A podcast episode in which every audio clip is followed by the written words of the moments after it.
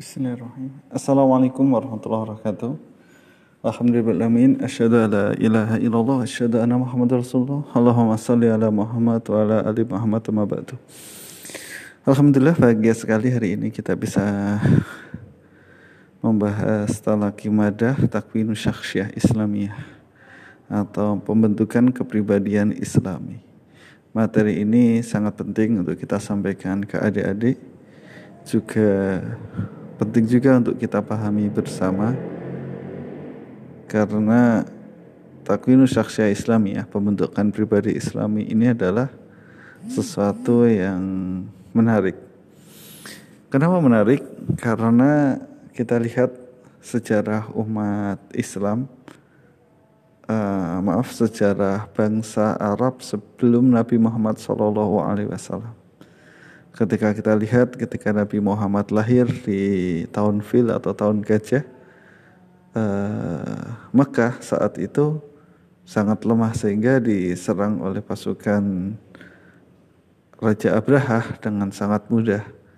Dan penduduk Mekah sudah sangat ketakutan. Tapi kemudian karena Abraha mau menghancurkan Ka'bah maka Allah Rob yang pemilik Ka'bah itu menjaga dengan mengirimkan burung-burung ababil. Tapi kalau kita lihat secara kondisi sosial, ekonomi, politis, dan geopolitik, maka saat itu adalah kawasan yang sama sekali tidak diperhitungkan. Secara ekonomi, ya tidak terlalu diperhitungkan.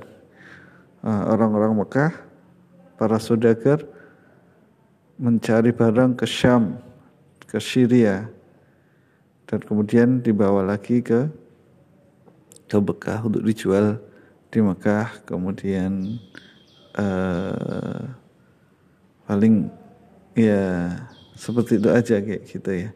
Jadi secara ekonomi bukan pusat perdagangan, secara politik juga dan geopolitik juga bukan pusat peradaban. Karena pusat peradaban di Jazirah Arab itu ada di Syria, uh, di Syria, di Yordania, kemudian di Damaskus, kemudian juga di Persia. Dan Mekah di tengah-tengah peradaban besar yang dikuasai oleh Romawi dan Yunani. Orang-orang Mekah pada masa jahiliyah ya kehidupannya hanya mengejar materi hanya mengejar dunia, hanya mengejar kesenangan dan kenikmatan syahwat belaka.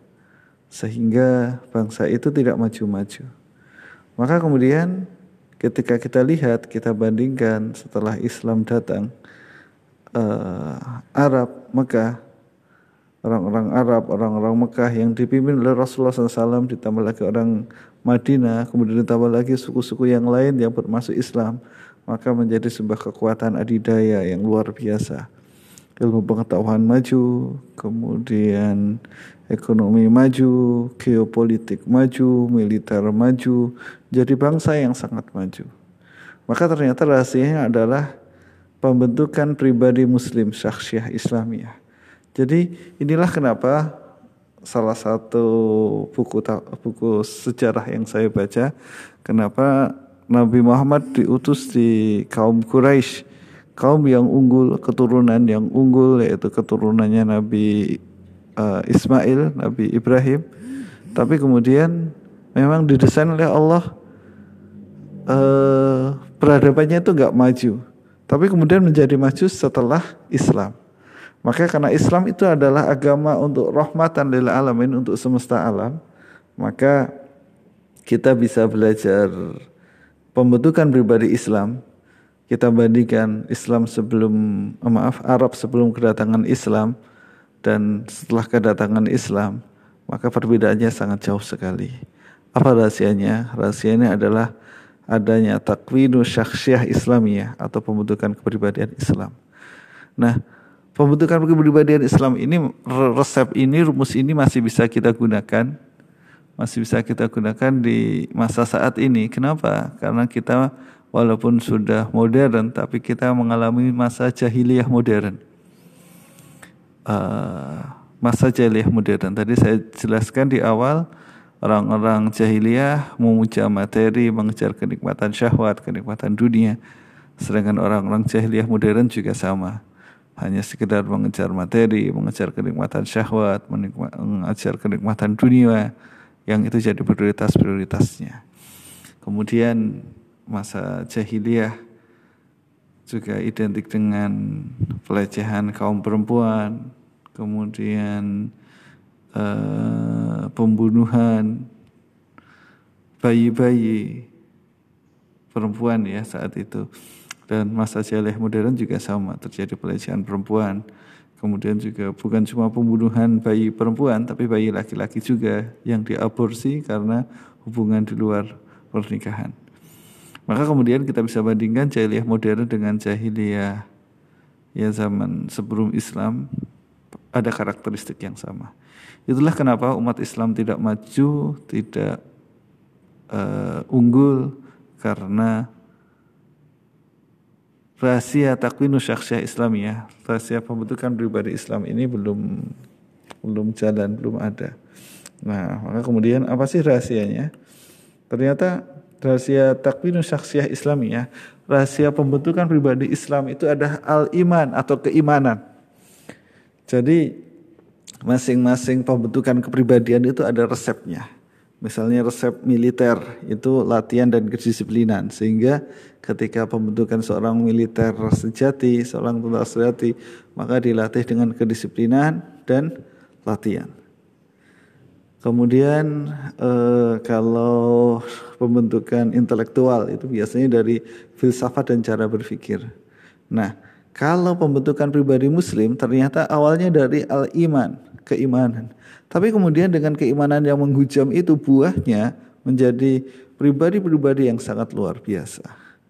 Nah, al-iman. Jadi uh, iman.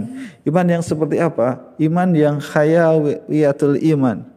Iman yang hidup, iman yang dinamis, iman yang menghidupkan, iman yang menggerakkan.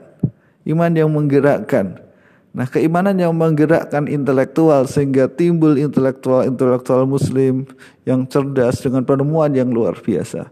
Iman yang menentukan fisik sehingga timbul sosok-sosok pribadi yang kuat, yang bugar, yang kekuatannya sangat luar biasa. Kalau kita cerita Rasulullah Wasallam, Rasulullah pribadi yang sangat kuat. Kemudian uh, seperti Al Aqwa misalnya yang dia bisa lari mengejar pasukan berkuda. Jadi ketika dia di uh, Madinah diserang 40 pasukan berkuda, dia ketika jaga bersama temannya, maka kemudian dia bilang ke temannya, tolong lapor ke Rasulullah, ini akan saya kejar sendirian. Dia sendirian dengan panahnya, lari, kemudian mengujangi panahnya, sehingga musuh ketakutan dikira pasukan yang banyak, padahal dia sendirian, dia lari mengejar pasukan berkuda. Nah, Iman yang menghidupkan kekuatan, iman yang menghidupkan intelektual, iman yang menghidupkan hati, iman yang menghidupkan spiritual. Lalu bagaimana agar iman kita hidup?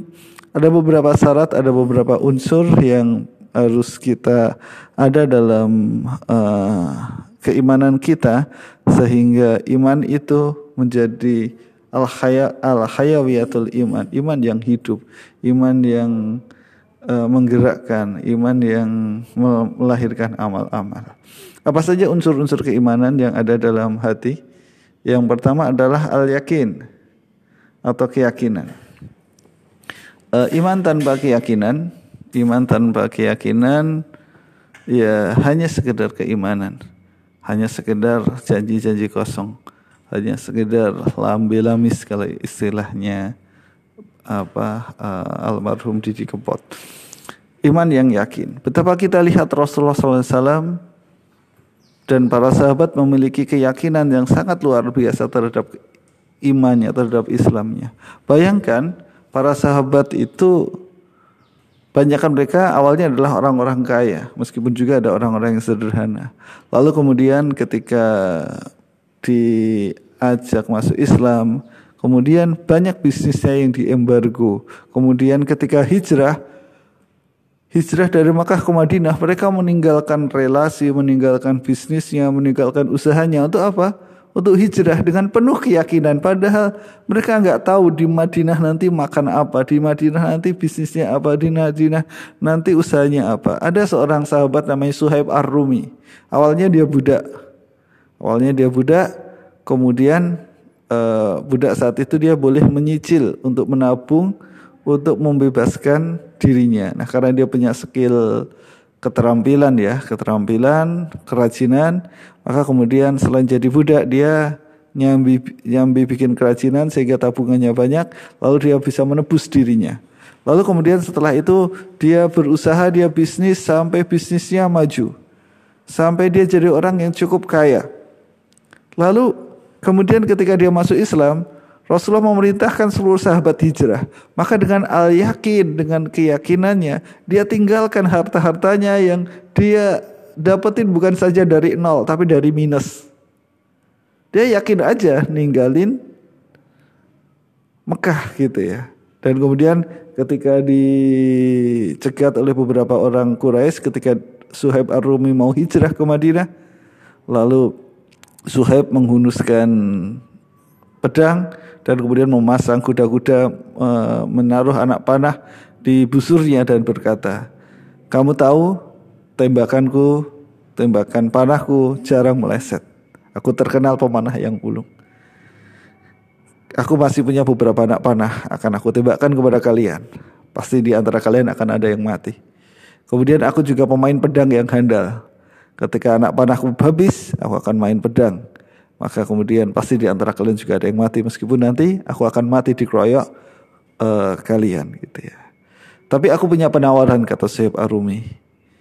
Kalau kalian mau biarkan aku lepas dan aku tunjukkan di mana tempat aku menyimpan harta-hartaku dan ambillah. Maka kemudian orang-orang Quraisy yang mengejar uh, Suhaib Arumi ini, oke, okay, uh, Suhaib kamu ter, uh, aku kenal sebagai orang yang jujur dan orang Islam orang yang jujur maka silahkan pergi. Tapi katakan di mana engkau menunjukkan uh, menyimpan harta-hartamu. Lalu kemudian Suhaib memberitahukan seluruh hartanya ada di mana dan kemudian Suhaib dibiarkan pergi oleh orang-orang Quraisy itu. Maka kemudian Rasulullah SAW ketika mendapat kabar dari malaikat Jibril Rasulullah mengatakan hati tijaratus Suhaib uh, sungguh beruntung perniagaan Suhaib yang telah menjual hartanya seluruhnya untuk Allah. Begitu yakin. Atau Mus'ab bin Umar yang dulu anaknya orang kaya, kemudian ketika orangnya memaksa, mas, orang tuanya memaksa untuk tetap jahiliyah, tapi Mus'ab bin Umar tetap kekeh, tetap kokoh berislam, maka kemudian uh, seluruh fasilitas dari orang tua itu dicabut, ATM-nya dicabut, HP, laptop, motor, eh nggak di uh, untanya, kemudian dikasih fasilitas dari orang tuanya dicabut gitu ya, nggak dikasih lagi. Tapi Musa bin Umair tetap kekeh, tetap kokoh dalam Islam. Itulah al-yakin. Atau Abu Bakar As-Siddiq yang awalnya tokoh besar, tapi kemudian ketika mengikuti dakwah Rasulullah, tetap yakin meskipun banyak sekali risiko dan uh, apa uh, kesulitannya. Maka kemudian unsur pertama adalah al-yakin atau keyakinan, keyakinan. Dan para sahabat keimanannya itu dengan penuh keyakinan. Salat seolah-olah menghadap Allah Subhanahu wa taala dengan penuh keyakinan. Yakin akan surga, yakin akan neraka, semuanya dengan keyakinan. Yang kedua adalah at-taslim atau menyerahkan diri. Jadi keimanan yang menyerahkan diri pada Allah Subhanahu wa taala, dia tunduk, dia patuh, dia nyerahin jiwanya, nyerahin dirinya kepada Allah Subhanahu wa taala. Nah, keimanan yang dengan ke pasrahan, ke menyerah dirikan pada Allah Subhanahu wa taala, itulah yang membuat iman itu hidup, iman itu menggerakkan. Jadi ada dua tadi yang sudah saya sebutkan. Yang pertama adalah al-yakin, kita beriman dengan penuh keyakinan seperti para sahabat. Yang kedua dengan penuh penyerah dirian. Yang kemudian yang ketiga keimanan yang asam wa mendengar dan taat, patuh ke keimanan yang mematuhi segala aturan-aturan dari Allah Subhanahu wa taala. Ada sebuah fragmen cerita yang menarik tentang keimanan para sahabat. Saat itu tradisi orang-orang Arab adalah minum khomer atau minum arak atau minum minuman keras. Dan saat itu sebelum dilarang, hobi para orang-orang Mekah itu minum minuman keras. Kecuali beberapa sahabat utama seperti Abu Bakar yang tidak suka minum minuman keras karena menghilangkan akal.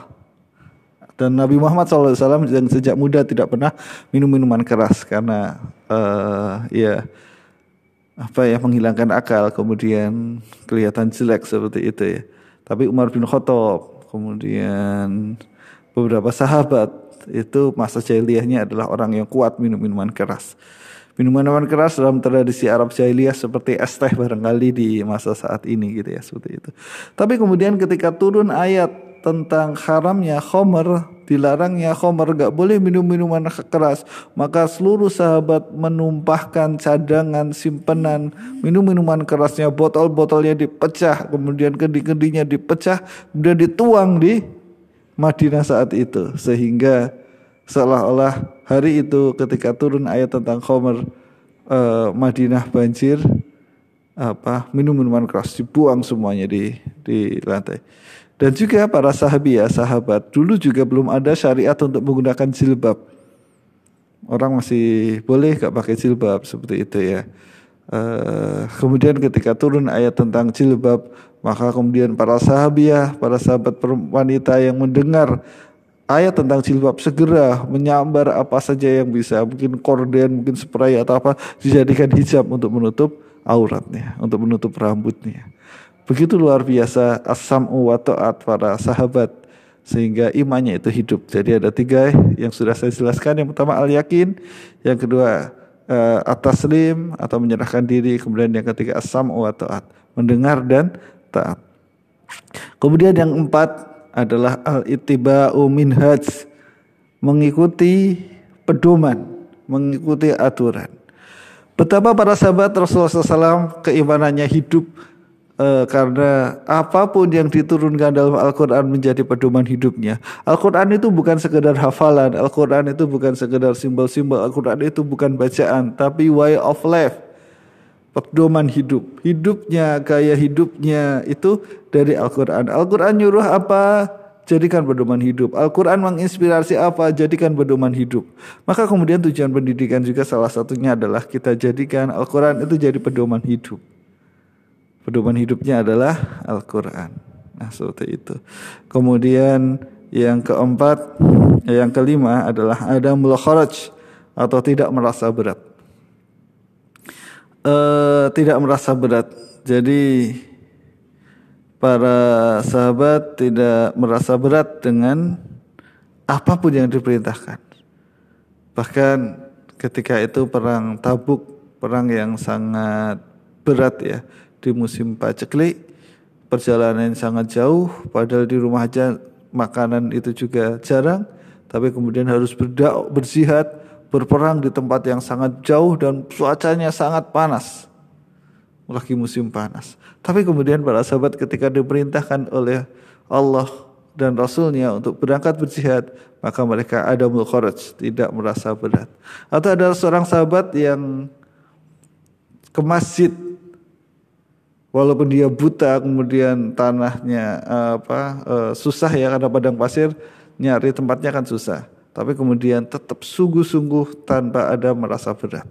Maka ketika kita merasa keimanan, ingin keimanan kita hayal ya, keimanan kita hidup, maka jalankan syariat Allah itu tanpa ada rasa berat. Ke masjid tanpa ada rasa berat. Sholat jamaah tanpa ada rasa berat. Baca Al-Quran tanpa ada rasa berat. Nah tanpa ada rasa berat inilah yang membuat iman kita hidup.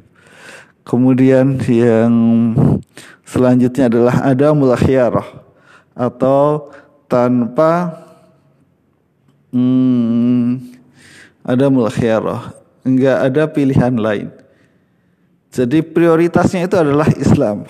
Prioritasnya adalah keimanan. Aturan keimanan, aturan keislaman, aturan Islam itu jadi prioritas hidupnya. Nah, ketika Islam itu jadi prioritas, maka kemudian Eh, keimanan itu akan muncul. Nah, kebanyakan kita itu ada khiarah-khiarah atau pilihan-pilihan lain. Pilihan-pilihan lain selain pilihan keimanan sehingga ya keimanan kita tidak hidup, keimanan kita tidak bergerak, keimanan kita tidak dinamis. Maka eh, ketika kita ingin keimanan kita hidup, maka prioritas utamanya adalah al-Islam. Nah, ketika keimanan yang hidup ini, yang penuh keyakinan, yang menyerahkan diri pada Allah, yang kemudian dia taat pada Allah, mendengar dan taat pada Allah, kemudian iman itu menjadi pedoman hidupnya, iman itu dia lakukan tanpa ada keterpaksaan dan tidak ada pilihan lain selain keimanan dan keimanan itu menjadi prioritasnya, maka buahnya adalah at-taqwa. Dan takwa ini takwa ini akan menjadi mabda atau landasan hidupnya. Hidupnya pondasinya adalah ketakwaan. Maka kuda-kudanya adalah ketakwaan gitu ya. Ketika pondasinya, landasannya kuda-kuda ketakwaan, maka kemudian gerakannya adalah gerakan ketakwaan. Kemudian takwa itu juga, juga jadi mizan, jadi timbangan untuk menentukan kebaikan dan keburukan. Untuk menentukan seleranya memilih sesuatu itu berdasarkan timbangan takwa. Apakah ini diperintahkan Allah atau dilarang Allah. Jadi takwa menjadi pertimbangannya timbangan-timbangan untuk mengambil keputusan. Maka kemudian para sahabat juga demikian ketika berdagang, ketika melakukan sesuatu, ketika bereksperimen, ketika menulis buku, ketika berjihad, ketika berperang, ketika berdakwah, semua timbangannya adalah ketakwaan, bukan untung rugi, bukan uh, terkenal atau enggak, bukan viral atau enggak, tapi pertimbangannya adalah ketakwaan. Kemudian yang selanjutnya ketakwaan itu menjadi zat atau menjadi bekal. Fatasawwadu fa inna khairaz zadi taqwa. Berbekallah karena sebaik-baiknya bekal adalah takwa. Ia menjadi sukses karena bekalnya adalah bekal takwa. Bukan sekedar sukses di dunia tapi juga di akhirat. Karena bekal ketakwaan ini adalah kunci sukses dunia dan al akhirat. Sehingga takwa itu menjadi al-libas khairul libasut taqwa pakaian ketakwaan takwa itu tercermin seperti pakaian menjadi perhiasan bagi dia maka tindak tanduknya akhlaknya kemudian budayanya itu adalah ketakwaan. Al libasut taqwa dan selanjutnya eh, inilah ketika takwa menjadi landasan hidupnya menjadi ukuran atau mizan untuk menentukan sesuatu, menimbang sesuatu, melakukan melakukan sesuatu iya atau tidak dengan timbangan ketakwaan. Kemudian takwa itu menjadi bekal kehidupannya dunia dan akhirat dan takwa itu menjadi pakaiannya libasut takwa menjadi ciri khasnya. Orang pakai pakaian kan jadi ciri khas. Misalnya anak-anak uh, apa sih penggemar Korea gitu ya kan artis-artis Korea ciri khasnya seperti itu. Kemudian orang-orang Amerika pakaiannya ciri khasnya seperti itu, akhlaknya seperti itu. Maka kemudian orang-orang beriman akhlaknya, kemudian uh, interaksinya, libasnya adalah libas takwa. Sehingga ketika ada ini semua dalam pribadi seorang muslim, maka dia akan merasakan islamiyatul hayah atau hidupnya hidup yang islami hidupnya hidup yang islami. Dia dipenuhi dengan cahaya keislaman sehingga terbentuklah asyakhsiyah al-islamiyah al-mutakamilah atau kepribadian muslim yang sempurna. Demikian materi takwinu syakhsiyah islamiyah. Semoga bermanfaat. Inilah materi rahasia kenapa umat Islam menjadi umat yang unggul, umat yang sempurna. Rahasia adalah keimanan. Keimanan yang seperti apa? Keimanan yang al hayawiyatul iman, keimanan yang menggerakkan, keimanan yang dinamis, keimanan yang menghidupkan amal. Bagaimana agar ama, uh, keimanan itu muncul, menggerakkan dan menghidupkan? Ada beberapa unsur yang dipenuhi. Yang pertama adalah al yakin atau keyakinan. Yang kedua adalah at-taslim atau menyerahkan diri. Yang ketiga adalah as-sam'u wa ta'ah. Dengar, taat, yang keempat adalah ittiba'u minhaj uh, mengikuti pedoman-pedoman Islam, aturan-aturan Islam dipenuhi, dipenuhi diikuti tak ada mulkharaj tanpa ada keberatan, tanpa ada keengganan, keengganan dan ada khiyarah. Tidak ada pilihan lain selain pilihan Islam dan Islam menjadi prioritas. Sehingga efeknya akan timbul buahnya yaitu ketakwaan. Ketakwaan akan menjadi mabda atau dasar kehidupannya, undang-undangnya, uh, kuda-kudanya. Kemudian dia juga jadi mizan, ketakwaan itu jadi mizan, ukuran untuk menentukan benar salah, ukuran untuk menentukan melakukan segala sesuatu, ukuran untuk bertindak itu dengan ukuran-ukuran ketakwaan, timbangan-timbangan takwa. Apakah Allah mengizinkan atau Allah melarang atau Allah membolehkan. Kemudian sehingga takwa itu menjadi azad atau menjadi bekal, bekal kehidupannya sehingga orang itu akan menjadi bahagia dunia dan di akhirat. Takwa juga jadi libas, jadi pakaiannya, jadi penampakannya, jadi penampilannya, akhlaknya, akhlak takwa. Kemudian tutur katanya, tutur kata takwa. Interaksinya, interaksi takwa tampilannya tampilan takwa. Dan inilah hasilnya kehidupannya menjadi kehidupan islami atau al-islami atau hayah. Kehidupan yang islami dan terbentuklah asyaksiyah islamiyah mutakamilah. Pribadi muslim yang sempurna. Itu terima kasih bisa disampaikan, bisa direnungkan dan bisa jadi uh, pedoman bagi kita. Aku kali ada wassalamualaikum warahmatullahi wabarakatuh.